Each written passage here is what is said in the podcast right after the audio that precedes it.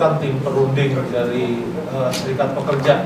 Apabila di dalam serikat pekerja apabila di dalam perusahaan itu terdapat lebih dari satu serikat pekerja. Itu di dalam pasal 6 menurut saya itu ada ada di dalam Permen 28 2014 dan itu juga ada tata caranya eh, bagaimana pengusaha atau dengan serikat pekerja itu eh, untuk mengajukan apa namanya seperti yang saya sampaikan bahwa eh, 10% serikat yang mempunyai keanggotaan 10% dari jumlah pekerja itu serikat pekerja bisa mengajukan eh, Bisa ikut di dalam proses perundingan. belum pak. Mengajukan Eh, mengajukan untuk memberi permintaan. PKB 10% itu bisa.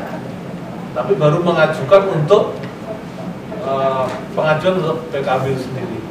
Tapi dalam hal untuk menjadi tim perunding PKB maka kaitannya ada di dalam eh, verifikasi keanggotaan tadi jadi verifikasi itu internal internal di satu perusahaan itu dan difasilitasi perusahaan misalnya dari SPMI berapa berapa jumlah anggotanya serikat lain berapa anggotanya itu nanti yang akan menentukan untuk jumlah dari tim perunding itu sendiri. Nah contohnya kalau yang seperti kemarin kalau tim perundingnya 9 pe- eh, pekerjanya misalnya 9000 maka satu tim perunding itu bobotnya 900 eh 1000 peker- anggota 1000 pekerja misalnya jadi kalau teman-teman pas verifikasi nanti yang disetujui kok totalnya ada 2000 berarti teman-teman punya dua orang untuk menjadi tim dari nanti di dalam eh, tim perunding itu. Nah, Itu proses verifikasi seperti itu. Biasanya verifikasi itu dilakukan dengan menunjukkan kartu tanda anggota. Supaya apa? Supaya untuk tadi dari satu perusahaan kan ada terkait dengan larangan double serikat pekerja. Tapi pada saat eh, di tempat-tempat eh, perusahaan yang mempunyai anggota atau mempunyai serikat pekerja yang banyak tidak menutup kemungkinan saling klaim keanggotaan. Makanya di dalam Undang-Undang 2 2004 ada yang namanya eh, perselisihan eh, serikat pekerja dalam satu perusahaan. Itu kaitannya dengan biasanya dengan saling klaim keanggotaan. Maka dalam konteks eh, untuk menentukan tim perunding perusahaan karena ini lebih dari satu serikat pekerja maka harus dilakukan yang namanya verifikasi keanggotaan itu dulu. Itu.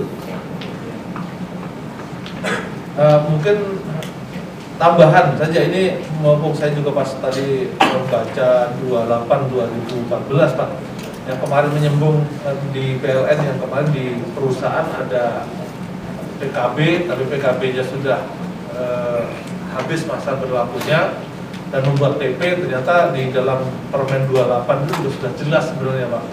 Perusahaan nggak boleh bikin PP gitu. Jadi di dalam pasal 29 ayat 3 Nah, sedikit saya bacakan nanti kalau PP-nya bisa kita share. Yang pertama eh, masa berlaku PKB paling lama 2 tahun terhitung sejak ditandatangani atau diatur lain dalam PKB. Seperti kalau itu undang-undang apakah diaturnya sejak ditandatangani atau Pak itu kan tergantung dari pengaturan. Itu ayat satunya. Ayat duanya dalam hal perundingan PKB yang belum mencapai kesepakatan maka dal- dalam waktu 30 hari masa berlaku PKB berakhir dapat diperpanjang satu kali paling lama satu tahun dalam kesepakatan para pihak. Nah, di ayat tiganya dalam hal perundingan PKB yang tidak mencapai kesepakatan dan masa berlaku perpanjangan PKB telah habis, maka PKB yang berlaku adalah PKB sebelumnya sampai PKB yang baru disepakati. Masih, Itu- ya. Jadi itu Ada di PMTK nomor 28 2014. 2014.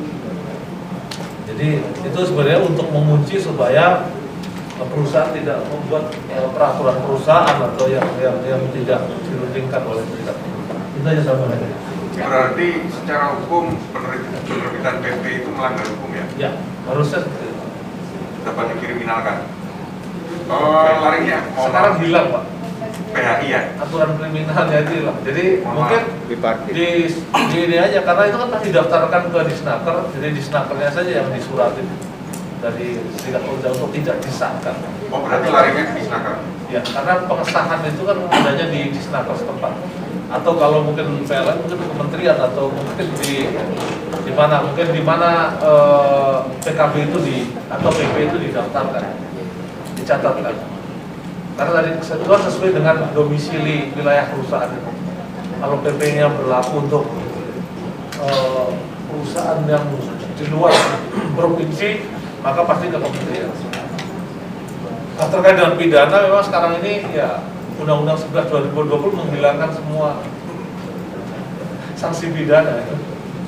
dan nggak ada lagi sanksi pidana semua diganti sanksi administrasi Kalau dengan klausul itu dapat batal demi bukan Eh, pembatalan aja permohonan pembatalan permohonan pembatalan PP. keterlibatan anggota itu menjadi hal yang utama karena salah satu kekuatan serikat pekerja di samping anggotanya yang aktif ada di samping anggotanya yang banyak adalah anggotanya yang aktif. Contoh misalnya untuk dukungannya kayak apa kan gitu kan? Tadi. Ikut dalam konteks memberikan masukan dan saran dalam PKB. Syukur-syukur mau ikut mengawal pada proses perundingan. Saya pernah pak berunding sama manajemen anggota serikat pekerja, saya nggak boleh pulang. Tungguin semua di loker karyawan nggak boleh pulang, ngumpul semua. Tanya manajemen, kalian mau nggak pulang apa? Saya lagi nungguin ang- apa pengurus saya yang sedang berunding dengan perusahaan tapi jangan kita minta bahasanya kan di setting dulu itu Loh, ngapain ditungguin? Karena mereka sedang mempertaruhkan nasib kita. Itu kekuatan. Dukungan buat teman-teman. Dan teman-teman yang berunding juga punya kekuatan. Beban moral yang luar biasa kalau saya nggak bersungguh-sungguh. Kan bahasanya seperti itu. Atau mungkin kalau dalam konteks perundingan PKB kalau yang belum terlalu apa namanya seperti tadi misalnya bikin spanduk. S- kami atas nama pekerja PT PLN dan ini mendukung serikat pekerja untuk perundingan PKB itu. Dukungan. Minimal semua anggota harus tahu bahwa serikat pekerja sedang akan mendukung PKB jangan sampai mereka nggak peduli. Karena saya pernah juga nih pak. Kawan-kawan. Ngomong perusahaan untuk salah satu. Bahasa manajemen begini. Ini kan kelakuan serikat pekerja aja gitu mau anggotamu di belakang diem-diem aja? Dan nggak nuntut kelakuan aja kamu kamu serikat pekerja yang mau nuntut. Agar ada tuh. Banyak pak. Tapi kalau dia udah kepentok baru terasa mas makanya bu- kita butuh yang namanya keterlibatan Iya. anggota secara. Yang ketiga, jelas dan lugas dalam menyampaikan informasi konsep usulan PKB dan serikat pekerja. Jadi saya sampaikan bahwa ya Pak Chandra kemarin juga disampaikan bahwa yuk bikinlah kata-kata itu yang sesingkat mungkin, sesimpel mungkin, tapi sejelas mungkin.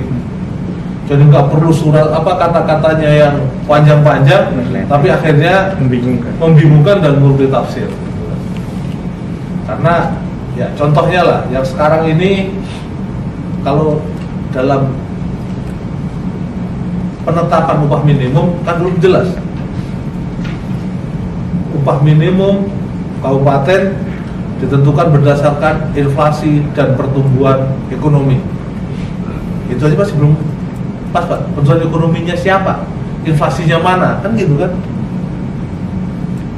karena inflasi kan ada inflasi daerah, inflasi nasional, pertumbuhan ekonomi ada daerah dan sana. Alasan sekarang tambah nggak jelas lagi. Berdasarkan inflasi dan atau harusnya dan atau tuh jangan ya nggak pasti Jadi gitu maknanya dan atau kalian bisa memaknai nggak? iya Dan atau. bisa tidak bisa gimana Jadi aja. misalnya kawan-kawan mau makan apa? Telur dan ayam, berarti Hmm. dua-duanya. Tapi kalau telur atau ayam berarti satu. Hmm. Ya. Telur, telur aja atau ayam saja. Hmm. Tapi kalau telur dan atau ayam berarti bisa satu bisa dua-dua. Itu nggak jelas. Karena jadi parameternya sangat-sangat nggak jelas. makanya kan gitu kan tadi bahasa itu di dalam eh, berunding di BKB dan atau itu lebih baik ditiadakan. Lebih baik. Ditiadakan. Nah itu sebagai kunci aja pak. Kunci teman-teman kalau tim bukan ya, berunding. dan kalau atau ya ya udah Udah pastikan aja. saja yang pahit-pahit. pahit-pahit Nah, gitu. manis-manis kan Dan gitu. Ya. Bagus dan atau. karena nanti akan jadi perdebatan dalam konteks penafsiran Betul Pak. Nah ini perlu ke teman-teman nanti yang ditugaskan berunding bahasa dan atau itu udah dihilangkan saja, dipastikan. Ya, ada memang Pak khusus minat tapi jangan yang krusial-krusial. Biasanya ada lah mungkin yang memang dibutuhkan juga kadang untuk fleksibilitas, tapi jangan yang menurut terkait dengan krusial. Dan krusial atau tapi harus jelas, Ya. harus jelas Pak. Dan atau itu pasti multi tafsir walaupun apa pun. karena kan terkait dengan hak dan kewajiban. Iya. kan? Itu yang. Lah lebih baik tegas-tegas saja lah. Jadi kalau mau iya iya, Iya iya tidak tidak kan itu. logis dan relevan dengan perkembangan bahasanya ringkas dan jelas tidak multitafsir tidak diskriminatif dan sebagainya jelas tidak boleh. Misalnya sebenarnya dalam PKB itu tidak boleh mengatur misalnya oh ini golongan PKB ini golongan jadi luas kesepakatan PKB harus jelas. Dari mengatur siapa untuk siapa. Hmm. harusnya yang tidak diatur dalam PKB siapa? Ya direksi harusnya kan dalam PKB itu ada direksi. Karena direksi kan bukan pekerja. Bukan. tapi kewajiban dia sebagai pengusaha. Nah terkait dengan kedudukan dari direksi dan pekerja itu harus hati-hati. Nah, ini pengalaman juga pas saya ikutin persidangan-persidangan di pengadilan waktu itu sambil nunggu sambil nunggu sidang lama itu ada kasus. Jadi kita jadi ngikutin. Sebenarnya direksi itu siapa sih HRD itu siapa sih gitu kan gitu terkait dengan kedudukan hukum sebagai pekerja atau pemberi kerja kan gitu Kalau yang kedudukan di manajemen, dia bukan anggota serikat. Dikatakan dia pemilik bukan bukan sebagai pegawai, ya kan Pak. Tapi dia kan punya pressure-pressure dari atas. itu ya pasti Padahal PKB dibuat itu untuk semua, mereka harus memahami itu. Ya. Jadi begini Pak, contohnya misalnya sebenarnya siapa sih yang dimaksud dengan pemilik perusahaan? Kan belum tentu bahwa pemilik perusahaan itu yang owner yang punya gitu kan. Jadi Perwakilan. pemberi kerja itu siapa sih gitu kan. Ternyata di dalam undang-undang persiaran terbatas levelnya itu direksi. Direksi, karena bukan pegawai. Karena dia diangkat dari RUU. Dia bisa mengatasnamakan sebagai pemberi.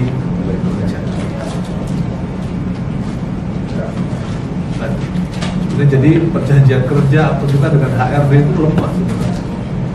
Karena dia bukan pemberi kerja. Kayak teman-teman kita nih, Aliora, Iya.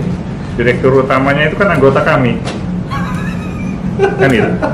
Ya, Mas. Mas Kalau Bayu. bagus sebenarnya kan menuntutnya sebenarnya enak kan. Iya kan? Sama untuk serikat pekerja. Lah ini kan ketua eh, apa di rutnya itu kan anggota kami kan. Karena dia ditugaskan kan dia jadi direktur utamanya beliau kan. Jadi emang gini mas, off the record aja. Bukan ini busuk tuh. Karena pemiliknya ya orang-orang di dalam sana itu. Ya, jadi muaranya seluruh kebijakan itu sebenarnya muaranya ya Jadi itu tidak hanya di, di sini saja, di seluruh seperti itu. Hampir sama lah udah itu, hampir sama lah. jadi sama kan muaranya seperti itu kan kalau nggak ada duit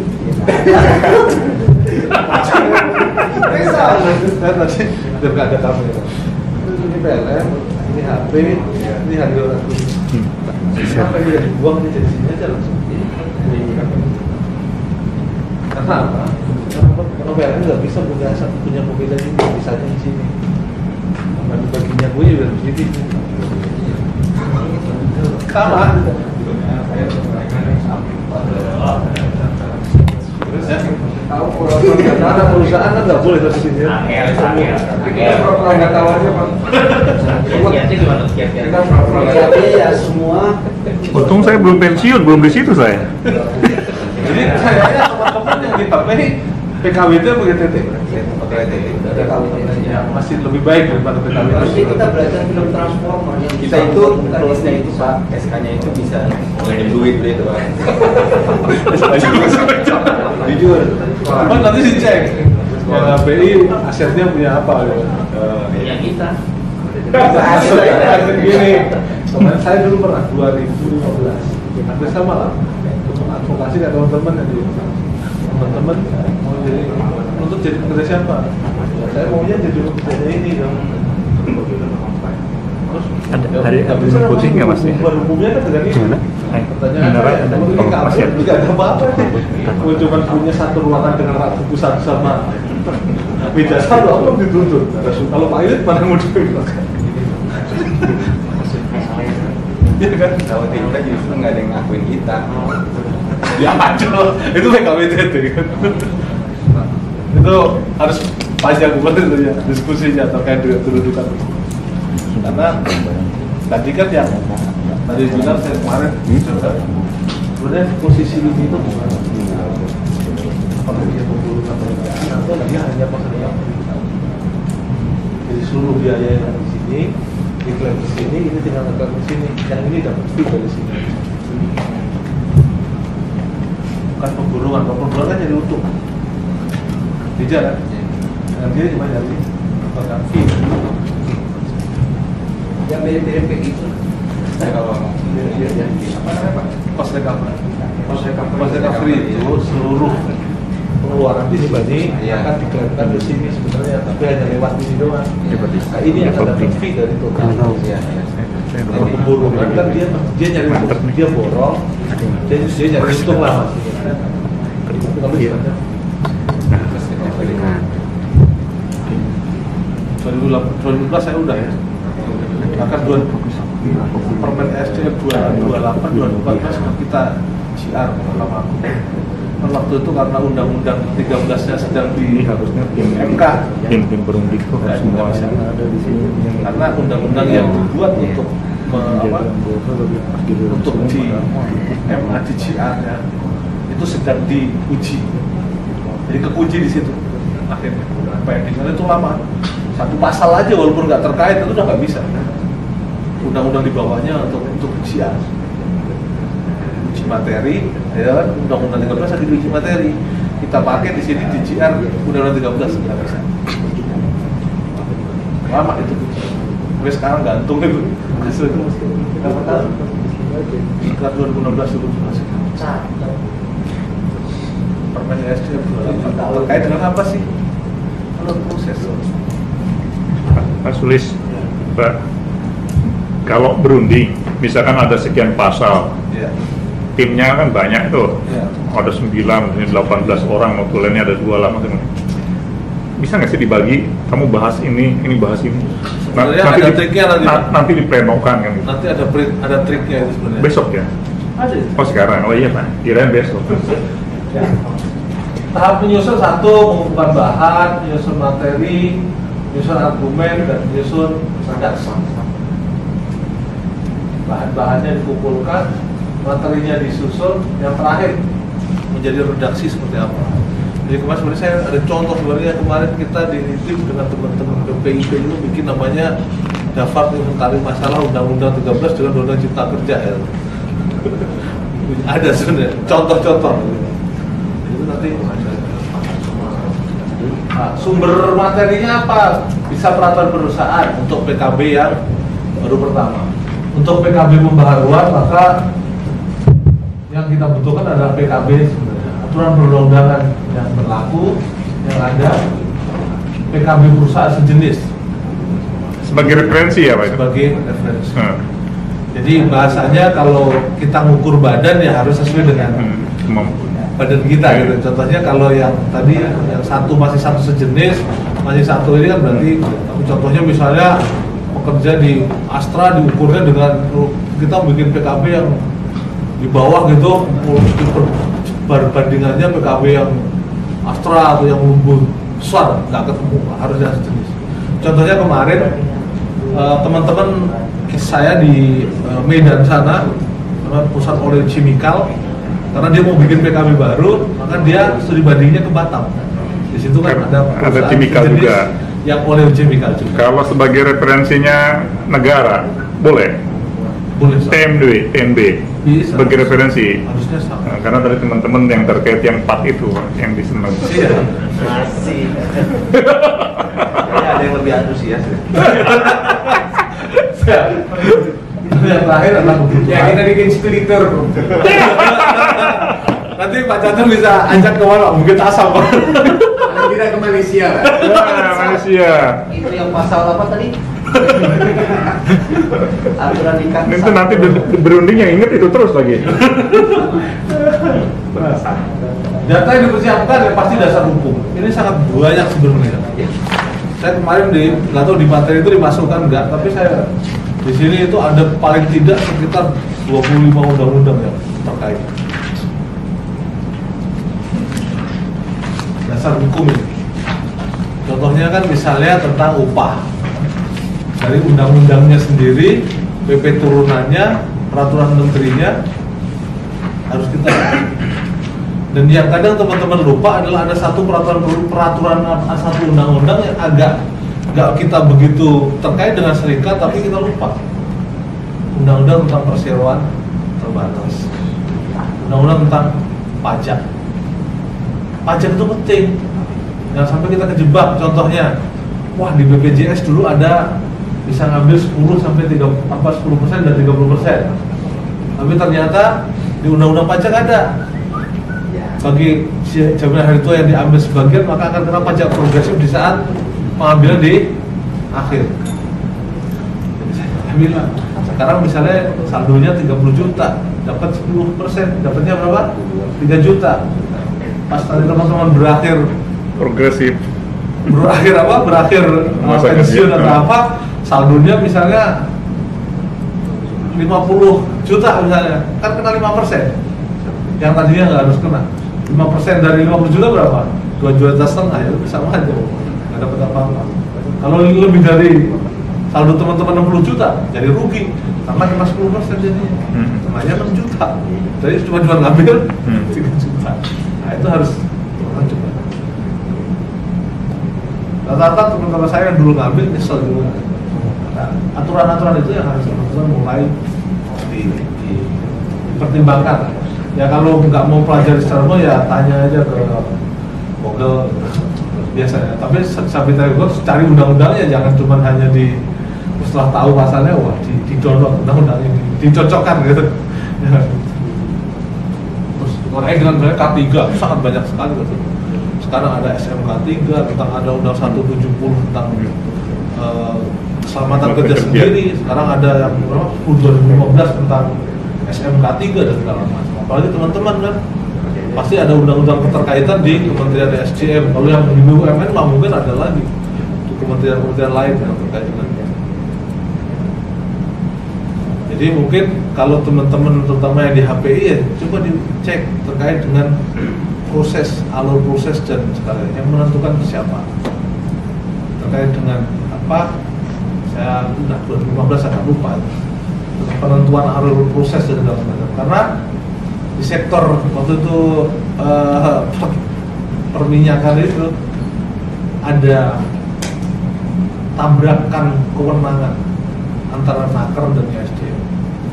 Jadi SDM ada permen SDM keluaran 28 itu dia mengatur sumber daya manusia. Yang harusnya itu adanya di kewenangan kemudian naker gitu yang tadinya mau kita JR keburu selesai.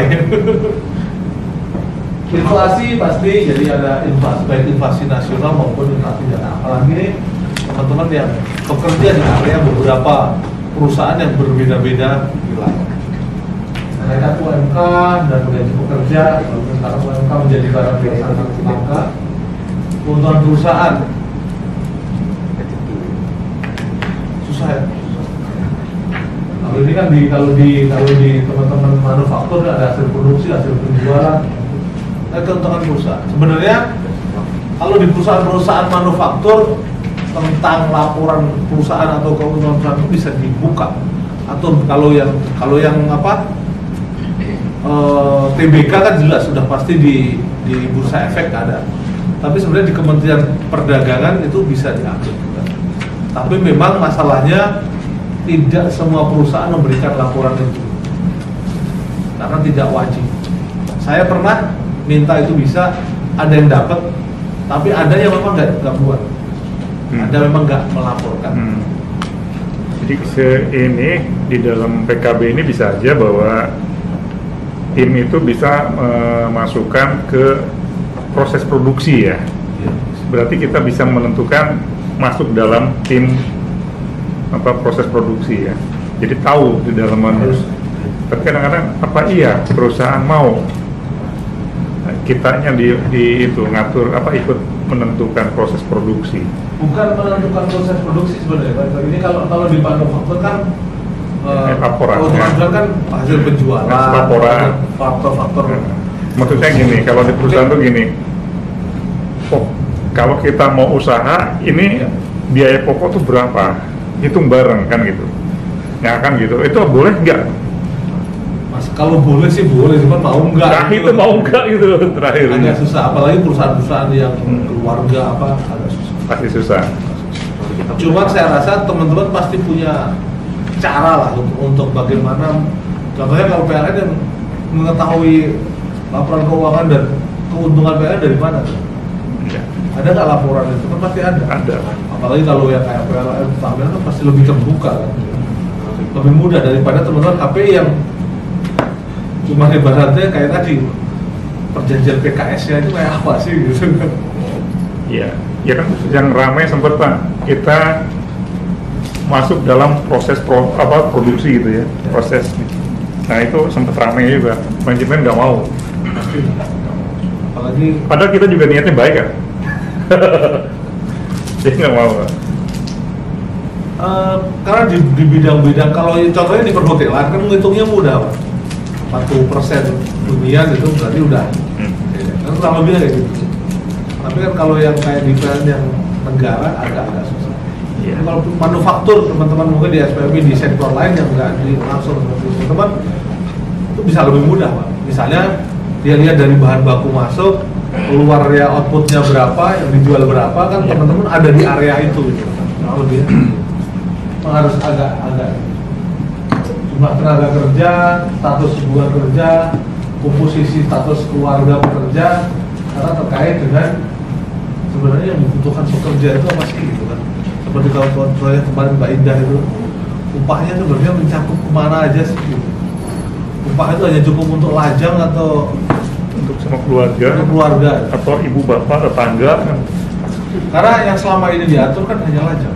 Minimum misal Jakarta empat setengah juta kan hanya lajang Iya. lajang itu bunyinya gimana? Upah minimum. Berlaku untuk 0 sampai kurang dari satu tahun. Lajang dengan grade terendah tapi kan sekarang yang terjadi enggak? Iya. iya. mau lajang mobilnya pokoknya Babat habis. sampai-sampai upah minimum. Nah, kembali lagi tadi kaitannya dengan pajak apa gitu kan? Di pajak itu diatur oleh PTKP penghasilan tidak kena pajak itu kan sebagai referensi. Berarti kalau pekerja lajang itu 4 jutaan 4 juta kalau nggak salah sekarang 4 juta PTKP nya kalau sekarang punya anak satu atau punya istri berapa? K1 berapa K2 ini sebagai rujukan bahwa kebutuhan hidup teman-teman yang lajang yang punya istri punya anak itu berbeda. Ini untuk membuat evaluasi dalam konteks upah. Kalau ngomongin struktur upah panjang lagi soalnya. Iya. ada rumusannya ya, Permen 1 2019 Ke- kalau kebutuhan hidup ini terkait dengan ada hak apa namanya eh, KHL gitu kan kalau di dalam eh, penentuan upah minimum saya rasa data kesejahteraan di perusahaan sejenis dan kondisi industri sejenis. Itu juga penting apa sih sebenarnya yang diberikan oleh perusahaan-perusahaan lain terkait dengan kesejahteraan kerja satu pakenan itu udah usia pensiun itu 58 dan pagi nambah lagi kan masih semangat soalnya ya kan ini nah, ini Bapak ini yang isu yang hangat. Nah, kalau bilang tuh Pak Tegar uraiannya struktur organisasi mengakibatkan apa kepada perolehan hak hak pekerja? Uh, perolehannya begini Pak, uh, job kerjanya Pak yang jadi job pembagian job kerja yang kurang. Tambah ini Pak, sebelum eh, kita mulai pembahasan ini, Pak Rizal mohon kepada serikat yang lain itu harapan kita sih sebenarnya itu dituangkan dalam sebuah kalimat. Ya contohnya misalnya itu lah maksudnya contohnya di dalam sebuah kalimat yang memang eh, itu akan diusulkan di dalam PKP gitu. harapannya seperti itu. Contohnya misalnya usia pensiun. Misalnya contohnya itu. Perusahaan kan mengatur usia pensiun pekerja umur 58 tahun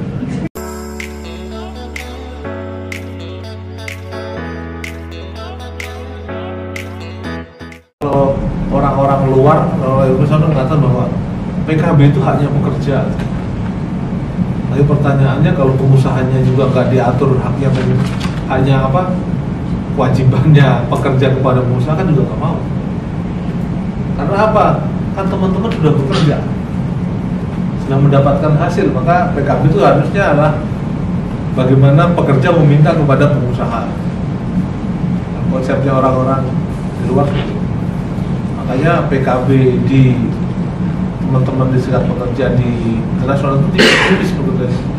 Karena dia hanya mengatur yang ya itu kayak sebenarnya angin tuh dikit-dikit aja ya maksudnya pokoknya apa yang mau diberi pengusaha kepada pekerja yang penting di dalam pelaksanaannya konsisten pak. Itu yang penting. Kalau yang ini kan masalahnya tebel apa nggak konsisten pak? Apa isi dalamnya apa melaksanakannya kan? Sebenarnya kalau konsisten harusnya konsisten karena memang sudah yang namanya perjanjian iya tapi realisasinya ada Memang aja? yang jadi masalah kadang di samping realisasi kita sendiri ngawalnya kadang nggak kenceng. Ya betul. Ada pengawalan kita sendiri yang bikin aturan sendiri kadang kita nggak ada masih waktu. kompromi dengan kadang kita terlalu banyak kompromi. Kayak orang Jawa. Nggak ada. Jadi- banyak nggak enaknya nah itu makanya. Kalau Jawa lebih banyak kiwo katanya. Kan Kiwo, gitu kiwo, pak kiwo. nggak enak nih ketemu ini. Harusnya kan perbedaan penafsiran itu luar biasa. Nanti setelah besok perselisihan itu banyak sekali perbedaan. Jangankan antara si pekerja dengan pengusaha.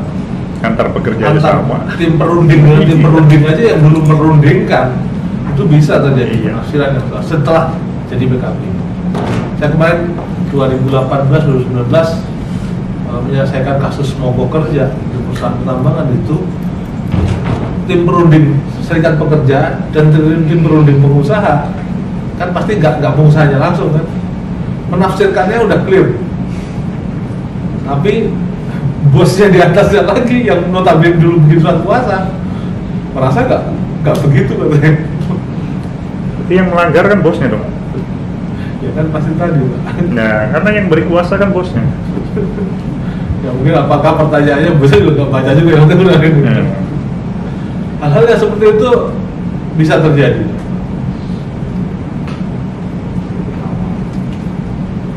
Metode pengumpulan seperti yang kemarin saya sampaikan bisa kalau pada anggota kita bisa bikin kuesioner.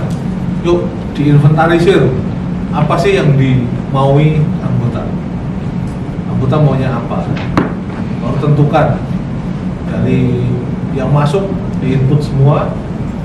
Kira-kira apa sih yang yang sebenarnya yang menjadi konsennya berbeda walaupun mungkin kalau permintaannya 50 ya nggak boleh semuanya diajukan 50 kembali nanti akan kita akan hitung terkait dengan target. Yang target dan minimum target maupun maksimal target. Yang jangan lupa adalah terkait dengan bacaan dan literatur boleh juga melakukan tanya jawab kalau nggak benar misalnya melalui perwakilan bagian perwakilan teman-teman anggota yang mereka sudah ngobrol dengan teman-temannya ditampung tapi kita harus tahu dulu ya Pak kondisi keuangan perusahaan yang mengenai upah itu Ya, saran saya ini kan belum masuk kepada terkait teknik perundingannya, hanya Iya, baru menyusun bahan-bahan ya. Nah, kita harus mengetahui dulu kan ya. Ya, ya. dan kita pengen tahu nih apa sih sebenarnya yang dibutuhkan anggota Iya. Agar tadi supaya PKB ini benar-benar si anggota ikut terlibat dalam prosesnya gitu. narasumber kalau dibutuhkan ya sebelum diajukan kepada perusahaan itu draft itu di dibicarakan dibicarakan perlu mengundang narasumber dari luar untuk membantu membahas itu. Jadi dalam konteks ini adalah kita mencari eh, apa namanya pendapat-pendapat misalnya dari orang luar. Karena kalau kita biasanya kita yang ada dalam perusahaan pasti terbawa oleh emosional yang ada di dalam perusahaan itu. Yang terakhir tadi ada studi banding perusahaan-perusahaan yang. Langkah menyusun draft PKB yang pertama melakukan evaluasi terhadap peraturan perusahaan atau PKB yang sudah ada. Jadi mana sih aturan sudah relevan, yang masih relevan? Mana sih yang kira-kira ini menjadi setiap kalau di pas berlakunya kemarin di PP itu ini yang sering jadi masalah. Di PKB ini oh ini pasal-pasal yang sering menjadi masalah. Nah, itu harus dibikin namanya nanti diinventarisir. Membuat survei daftar pertanyaan bagi anggota serikat pekerja misalnya tuntutannya apa, yang dinemui, keluhannya selama ini apa, atau mungkin ada saran. Baru menganalisa hasil survei, merumuskan proposal dalam bentuk rancangan dan mem- memutuskan rancangan itu dalam rapat pengurus untuk menjadi draft yang akan diajukan. Menyusun argumen, ini yang sangat penting. Jadi tim perunding itu sudah dibekali tadi di samping ada dasar hukum termasuk juga argumen-argumen pendukung. Kenapa sih mengajukan ini? Jadi supaya tim berunding juga ada gambaran gitu, tidak tidak apa berhayal dengan pikiran sendiri.